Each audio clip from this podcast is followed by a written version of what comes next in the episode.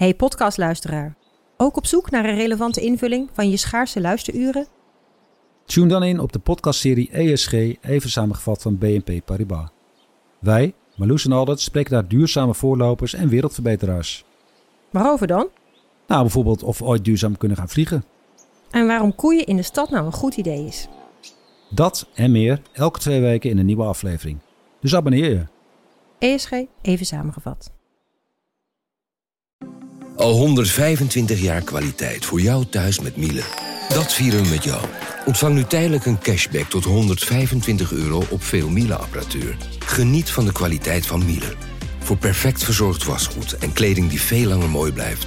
Voor een stralend schone vaat, even perfect als jouw diners. En een stofvrij thuis waarin echt hygiënisch schoon de standaard is. Check miele.nl voor alle feestelijke aanbiedingen.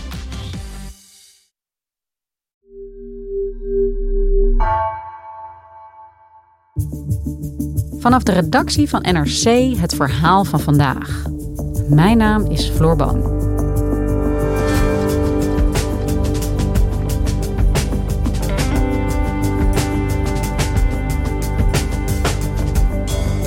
Op een telefoon, gevonden in het appartement van Ridouan Taghi, zijn foto's aangetroffen van een gemartelde vrouw.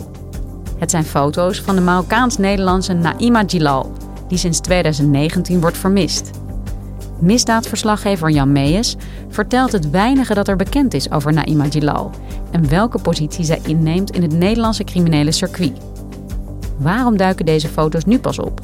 En wat betekent dit voor de zaak van Taghi?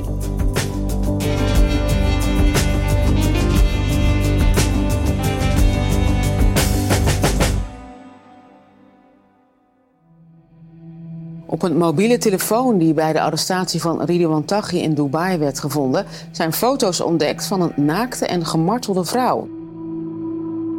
Foto's van een naakte, mishandelde vrouw. Dat was het bericht wat deze week via collega Paul Vught van de Parool naar buiten kwam. Justitie vermoedt dat het gaat om Naima Gilal, die sinds oktober 2019 wordt vermist. Zij was een bijzondere verschijning. Het was een knappe vrouw. Goed lachs, vriendelijk, charmant.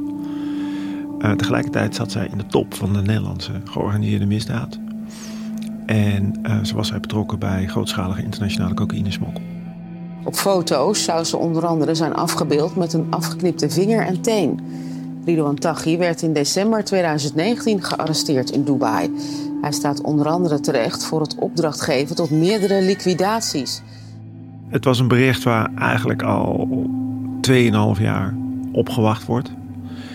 Naima wordt namelijk sinds het najaar van 2019 vermist. En gezien haar rol in de Nederlandse onderwereld was al heel lang het vermoeden dat zij uh, dood was. Alleen de bevestiging daarvan die, uh, die hadden we niet. En die bevestiging die is gevonden op een telefoon en dat is weer wel heel bijzonder. Die telefoon die lag in het appartement van Taghi in Dubai, waar hij is gearresteerd door de Dubai-politie. Jan, ik hoor Ridwan Taghi, dossier dat jij op de voet volgt. Mm je bent ook de beste persoon om mee te praten. Misdaadverslaggever voor uh, NRC. Het gaat hier om een vrouw die dus duidelijk gemarteld is. Mm En uh, waarvan nu ja, vaststaat dat ze dood is ook. Wie is deze Naima Jilal? Wat weten we over haar? Floor is een goede vraag. En eigenlijk is het beste antwoord heel onbevredigend. Naima Jilal is een enigma. Is een vrouw die uh, vanwege de plek waarin zij verkeerde in het criminele milieu tot de verbeelding spreekt. En tegelijkertijd weten we eigenlijk ontzettend weinig van haar. We weten uh, op basis van dossierstukken uh, dat Naima op een gegeven moment in 2017 in beeld komt, dan is er zogenaamde TCI-informatie. TCI staat voor Team Criminele Inlichtingen. Dat is de geheime dienst van de onderwereld. Politieagenten die contacten hebben met criminelen en daar informatie verzamelen. Ik zal een stukje uit voorlezen uit dat TCI-bericht. Ik heb het hier voor me liggen. De Marokkaanse Naima, die afkomstig is uit Utrecht, is al jaren werkzaam binnen de cocaïnehandel. Naima heeft de contacten om lijnen op te zetten voor grootschalige import van cocaïne. En daarbij maakt ze dan ook weer gebruik van mensen om dat vervolgens in Nederland uh, te verspreiden. Nou, dit is een proces verbaal wat is opgemaakt uh, in november 2017. Voor zover ik heb kunnen zien en kunnen terugzoeken, is dit het eerste bericht over haar. Nou, dat, dat zegt dus dat zij een prominente rol speelt bij grootschalige cocaïnehandel vanuit Latijns-Amerika naar Nederland.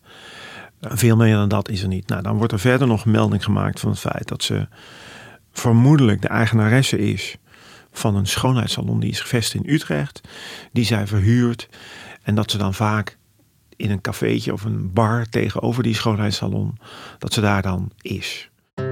Het tweede wat we weten over haar, dat komt dan vooral van mensen uit het crimineel milieu met wie ik over haar heb gesproken, is dat zij eigenlijk een soort van rol had op de grens van onderwereld en bovenwereld.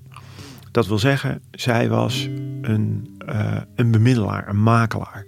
Ze had een charmant uh, voorkomen. En het verhaal is dus heel vaak dat zij, zeg maar, met legale, witte, normale bedrijven, dat ze daar naartoe ging, dat ze daar contacten mee legde. Om te zien of die bedrijven konden worden gebruikt, slash misbruikt, voor de smokkel van cocaïne. Want je moet je voorstellen, als je cocaïne naar Nederland wil brengen, dan doe je dat meestal in een deklading. Nou, vaak is dat tropisch fruit of iets wat ermee te maken heeft. En Naima was de tussenschakel. Volgens de politie gebruikte Naima twee bijnamen heel vaak. En de eerste was Classy, van uh, klasse. En de tweede was Porsche 911, Porsche 911. En zeg maar, met alle onduidelijkheid over haar zeggen dan die twee bijnamen eigenlijk ook weer wel veel over haar. Dus zeg maar, het is een vrouw met klasse en ze houdt van mooie snelle auto's. Concreter dan dat kan ik het niet maken. Maar zij is dus geboren in Marokko. Uh, op een gegeven moment naar Nederland gekomen. In Utrecht gaan wonen. Ja, heeft daar een schoonheidssalon gehad, zeg maar. Hoe komt zo iemand uh, in het criminele milieu terecht? Nou ja, dat is een goede vraag. Dat is het lastige van het enigma Naima Jilal. Dat weten we gewoon niet. Het is fascinerend, want je hebt in de geschiedenis van de Nederlandse georganiseerde misdaad... heb je wel vaker vrouwen gehad in een prominente positie... Maar het is ook ongebruikelijk. Is, we hadden in de jaren 80 en jaren 90 hadden we La Bella Bettine, een vrouw uit het Brabantse, die contacten had met Colombianen. Toen nog helemaal in het begin van de grootschalige smokkel. Later hadden we iemand in de entourage van Klaas Bruinsma. Die heette Thea Mouar.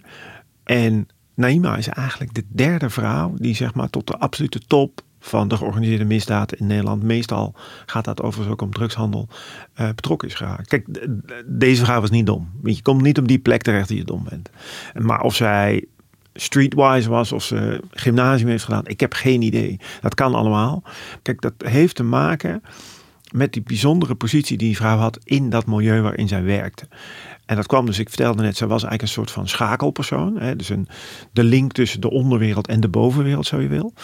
Nou, dat zijn al vaak bijzondere types. Want dan moet je je dus staande weten te houden in dat criminele milieu. En je moet je een voorkomen hebben waarmee je in het gewone leven contacten kunt onderhouden. Maar je moet heel sociaal zijn ja, ook. Je moet sociaal zijn. Je, moet, je hebt een bepaalde vorm van intelligentie. heb je echt nodig om dat te kunnen.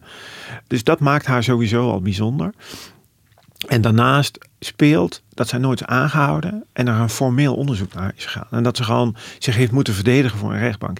Ik ken geen strafzaken. En dat wil niet zeggen dat ze er niet zijn, maar dan is het lang geleden. zijn het meestal kleine zaakjes geweest waarin zij betrokken is geweest. Dus dat verklaart ook voor een deel waarom we zo weinig over haar weten. Want uiteindelijk zijn misdaadjournalisten gewoon afhankelijk van het werk van de politie en justitie vaak zijn het dossierstukken waarin dat soort van eh, naast de strafbare feiten wat meer achtergronden, dat zit vaak in dat soort dossiers. Dat, dat is er gewoon niet van haar. Hey, en uh, Jan, als ik jou zo hoor hè, over uh, Naima Jilal, dan ja, staat misschien wel vast inmiddels dat zij echt uh, dood is. ook al is ze dan officieel misschien nog altijd vermist. Wat weet jij eigenlijk over haar verdwijning eind 2019? Wat we weten is dat zij voor het laatst gezien is op 20 oktober 2019 in de buurt van een appartement waar zij vaak verbleef op de Zuidas in Amsterdam. Een van die uh, nieuwe hoge torens. Daar is ze voor het laatst gezien. We beginnen met een zorgwekkende vermissing. Naima Jilal is zondag de 20 omstreeks half tien s'avonds voor het laatst gezien aan de Gustav Mahlerlaan in Amsterdam. Ze is daar op de kruising uh, met de Leonard Bernsteinstraat ter hoogte van de Albert Heijn to go in een donkere personenauto gestapt en daarna heeft haar familie geen enkel levensteken van haar gehad. In het voorjaar van 2021 dan gaat men een loods in Antwerpen, die eerder in verband is gebracht met een grote partij cocaïne. Daar is dan het vermoeden dat zij mogelijk onder het beton van die loods, dat haar lichaam daar zou zijn begraven. Ja, u ziet hier dat de grond uit die loods zelfs helemaal is doorgezeefd. Maar meneer Aling, geen spoor van Naima Gilal. Uh, wel iets anders. Jazeker, want we hebben een handtas en kledingstukken gevonden. Al opvallend. En die lagen onder betonnen platen verborgen. En daarin nog een keer in de grond. Nou, die worden nu gedroogd en dan worden ze forensisch onderzocht. Om te kijken of ze misschien van de vermiste mevrouw Gilal zijn. Of om te kijken wie ze daar heeft achtergelaten. Op dat moment weet men dus nog steeds niet wat er met haar lichaam is gebeurd. En dat weten we overigens tot op de dag van vandaag niet. Want het feit dat er foto's zijn, nou, is de bevestiging dat zij vrijwel zeker dood is. Maar het betekent nog niet dat er een lichaam gevonden is. Want dat zijn weer twee verschillende dingen.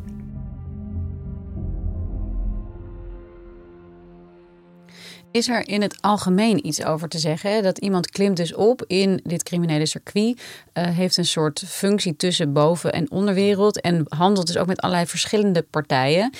Hoe komt het dan op een gegeven moment ertoe dat iemand ja, door een van die partijen of meerdere van die partijen gewoon echt als zo ongewenst wordt beschouwd dat, ja, dat iemand echt uit de weg moet worden geruimd? Nou, kijk, even ruwweg tussen 2015 en 2020 hebben we een periode meegemaakt van zwaar geweld in deze wereld, in dit milieu. Wat ik weet is dat zij in die wereld actief was en dat ze bijvoorbeeld met een aantal rivalen van uh, Ridwan Taghi veel zaken heeft gedaan. Ja, wat dan kan is dat je zeg maar klem komt te zitten tussen twee vechtende partijen. Dat is één mogelijkheid. En dat je daar niet uitkomt. De andere mogelijkheid is, en dat hangt wel samen met de verhalen die over haar verteld worden, is dat zij eigenlijk met iedereen zaken deed. Dan kun je je voorstellen dat als je met heel veel verschillende mensen zaken doet en twee van die mensen krijgen op een gegeven moment ruzie, dat jij bijvoorbeeld partij moet kiezen. Dat je gedwongen wordt om een kamp te kiezen. Wat ik ook wel heb gezien in dossiers uh, waarin zij met, met zo'n cryptotelefoon, zo'n PGP-telefoon, zeg maar, berichten verstuurt aan zakenpartners in het criminele milieu. Dat zij uh, op een gegeven moment tegen één zakenpartner zegt van ja, je moet het niet tegen die en die zeggen. Maar ik heb ook nog een deal lopen met een andere persoon. Dus dat zij een beetje dubbelspel speelden in die wereld. De afgelopen jaar heb ik veel tijd besteed aan twee grote strafzaken. Eén uh, gaat over Ridwan Taghi. Dat is een man die inmiddels nauwelijks meer toelichting behoeft. En de andere gaat over Roger P. alias Piet Costa. Dat is een Rotterdammer van uh, 50. Die in tien jaar tijd van een relatief onbekende speler is uitgegroeid tot een van de grotere cocaïnesmokkelaars van Nederland. In beide dossiers valt haar naam. Uh, in het dossier van Ridwan Taghi met name omdat zij zaken deed met een belangrijke rivaal van Ridwan Taghi. Mustafa F., beter bekend als Kale Moes of Moes No Limit. Diezelfde Moes was een partner van Piet Costa. En Naima werkte weer samen met die Kale Moes en Piet Costa. Dus zij waren op een gegeven moment een bondje. Dat is op zich natuurlijk bijzonder dat zo'n figuur zeg maar, in twee van die grote dossiers uh, een rol speelt. En kennelijk was die Naima, los van het feit dat zij dus zeg maar de bovenwereld en de onderwereld met elkaar verbond. Kijk, gemiddelde crimineel, dat zijn natuurlijk niet mensen die zeg maar in pak met een das even bij ABN AMRO langs gaan. Of even met een makelaar een pandje gaan huren. Dat zijn natuurlijk grote jongens, veel tatoeages. Dat stereotype is niet op iedereen van toepassing, maar het is niet voor niks een stereotype. En als jij dan als charmante vrouw, goed gekleed, als jij zeg maar die link wel kunt leggen en jij bent wel in staat om aan de ene kant met criminele zaken te doen, maar ook in de bovenwereld zaken te doen, dan kun je je voorstellen dat dat een interessante persoon is met bijzondere kennis, kunde en vaardigheden waar iedereen gebruik van wil maken. En misschien is dat wel de verklaring hoe zij uiteindelijk, zeg maar, met die verschillende kampen zaken is gaan doen. En misschien is dat dan weer wel de verklaring voor het feit dat dat uiteindelijk haar ondergang is geworden. En wat mij zo fascineert aan deze vrouw is, los van het feit dat ze vrouw is in de mannenwereld, is dat we het over haar hebben en dat hoe meer je te weten komt, hoe minder je ervan snapt. hey, en uh, Jan, even los van de waarom-vraag. Waarom zij dood moest en wat haar positie was. Mm -hmm.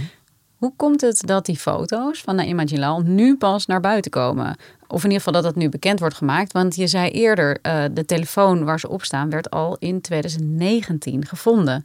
We zijn 2,5 jaar verder. Dit is niet zomaar een telefoon. Dit zijn crypto-telefoons. En cryptotelefoons die zijn zwaar beveiligd. Dus het kan zijn dat het heel lang heeft geduurd voordat ze die telefoon open hebben gekregen. Dus ik ken verhalen over telefoons die na vier, vijf jaar onderzoek doen, wachtwoorden invoeren, uh, pas open gaan tussen aanhalingstekens. Dat men erin kan en men ziet wat er allemaal op die telefoon is opgeslagen. Dus soms kan dat heel lang duren. Daarnaast, er zijn een aantal onderzoeken gedaan naar de aanbieders van deze telefoons. In 2020, 2021 zijn die netwerken platgelegd en is men zeg maar uh, het materiaal wat daarbij in beslag is genomen gaan onderzoeken. Nou, dat gaat om te beginnen om heel veel materiaal. We hebben het hier over miljoenen, zo niet honderden miljoenen berichten. Dus je kunt je voorstellen dat het lastig zoeken is. Dus het kan zijn dat het een technische oorzaak heeft, dat het gewoon pas recent gelukt is, dat die, om die telefoon echt open te krijgen. Het kan zijn dat het gewoon te veel werk is geweest en dat men dus pas heel laat dit heeft gevonden. Het kan ook zijn dat het een strategische reden heeft. En ook hiervoor geldt weer, het is helaas een aflevering aan het worden met veel vragen en weinig antwoorden. En de beelden zijn gevonden op een telefoon in het appartement van Taghi, zonder dat we weten of die telefoon van Taghi was. Maar betekent dit wel nu iets ook voor die zaak van Taghi? En ja, hoe staat het daar eigenlijk überhaupt mee op dit moment? Op die telefoon zijn dus die foto's aangetroffen. En wat relevant is, zij is op 20 oktober verdwenen. En die foto's, die zijn vermoedelijk in de nacht van 20 op 21 oktober verstuurd. Dus zij is meteen gedood. Daar lijkt het dus wel op dat dat niet langer dan 24 uur heeft geduurd. Maar hoe die foto's daar terecht zijn gekomen, bijvoorbeeld, wie heeft dan die foto's verstuurd naar de gebruiker van die telefoon, volgens Taghi zelf, niet zijnde Ridwan Taghi, um, weten we ook niet, bijvoorbeeld. En wat er allemaal nog meer op die telefoon stond, weten we ook niet. Dat is best wel nog een raadsel. En het punt is wel dat, uh, nou, er wordt eigenlijk dus, zeg maar, in de Marengo-zaak, dus dat is een strafzaak waarin Ridwan Taghi vervolgd wordt voor zes moorden. Daar is eigenlijk al sinds zijn aanhouding en overlevering naar Nederland, is er discussie over de vraag van wat is er nou allemaal precies in Dubai gebeurd en wat voor informatie is daar nou allemaal gevonden. Nou, kennelijk is er dus nu onderzoek gedaan naar een telefoon waarvan de Nederlandse politie zegt die is aangetroffen in het appartement waar Taghi verbleef. Waarom die nu in dat dossier is gestopt, is eigenlijk ook onduidelijk. Want uh, Ridwan Taghi wordt van alles verdacht, maar niet van de ontvoering of uh, de mishandeling of de dood van Naima Jilal. Dat staat niet op zijn te lastlegging. Dat, dat speelt geen rol in dit proces. Dus ja, dat maakt het raadsel alleen maar groter. Dat is de stand van zaken. En uh, het vermoeden slash de hoop is dat de rechtbank dan ergens voor de zomer van volgend jaar vonnis wijst in de strafzaak van Taghi. Um, dus nu nog beginnen met een heel onderzoek naar nog een slachtoffer. Nou, dat, dat past gewoon niet in dat tijdframe. Dus dat gaat niet gebeuren. Maar goed, waarom dan die foto's in het dossier stoppen? Behalve dan de mededeling van ja, weet je, we hebben onderzoek gedaan. Die telefoon die is aangetroffen bij zijn aanhouding. En daarom stoppen we dit in het dossier. Ja, ik heb die vragen allemaal gesteld door hem. Ik krijg geen antwoord op. En kennelijk hoort dat dus een beetje bij het levensverhaal van Naima Jilal. Dat van haar komst naar Nederland tot haar betrokkenheid bij de cocaïnemafia tot haar verdwijning en nu zeg maar de bevestiging van haar dood, dat alle vragen om opheldering alleen maar het mysterie van die vrouw voeden.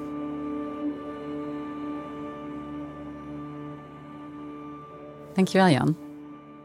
Graag gedaan.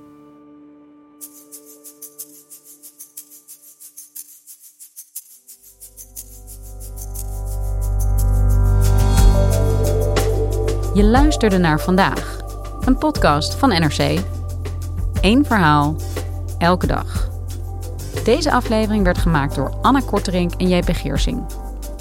Dit was vandaag. Maandag weer.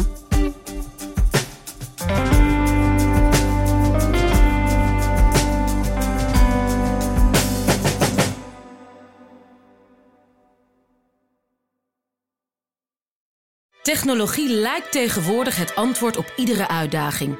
Bij PwC zien we dit anders. Als we de potentie van technologie willen benutten, kunnen we niet zonder een menselijk perspectief. Human-led, tech-powered noemen we dat. Ga naar pwc.nl.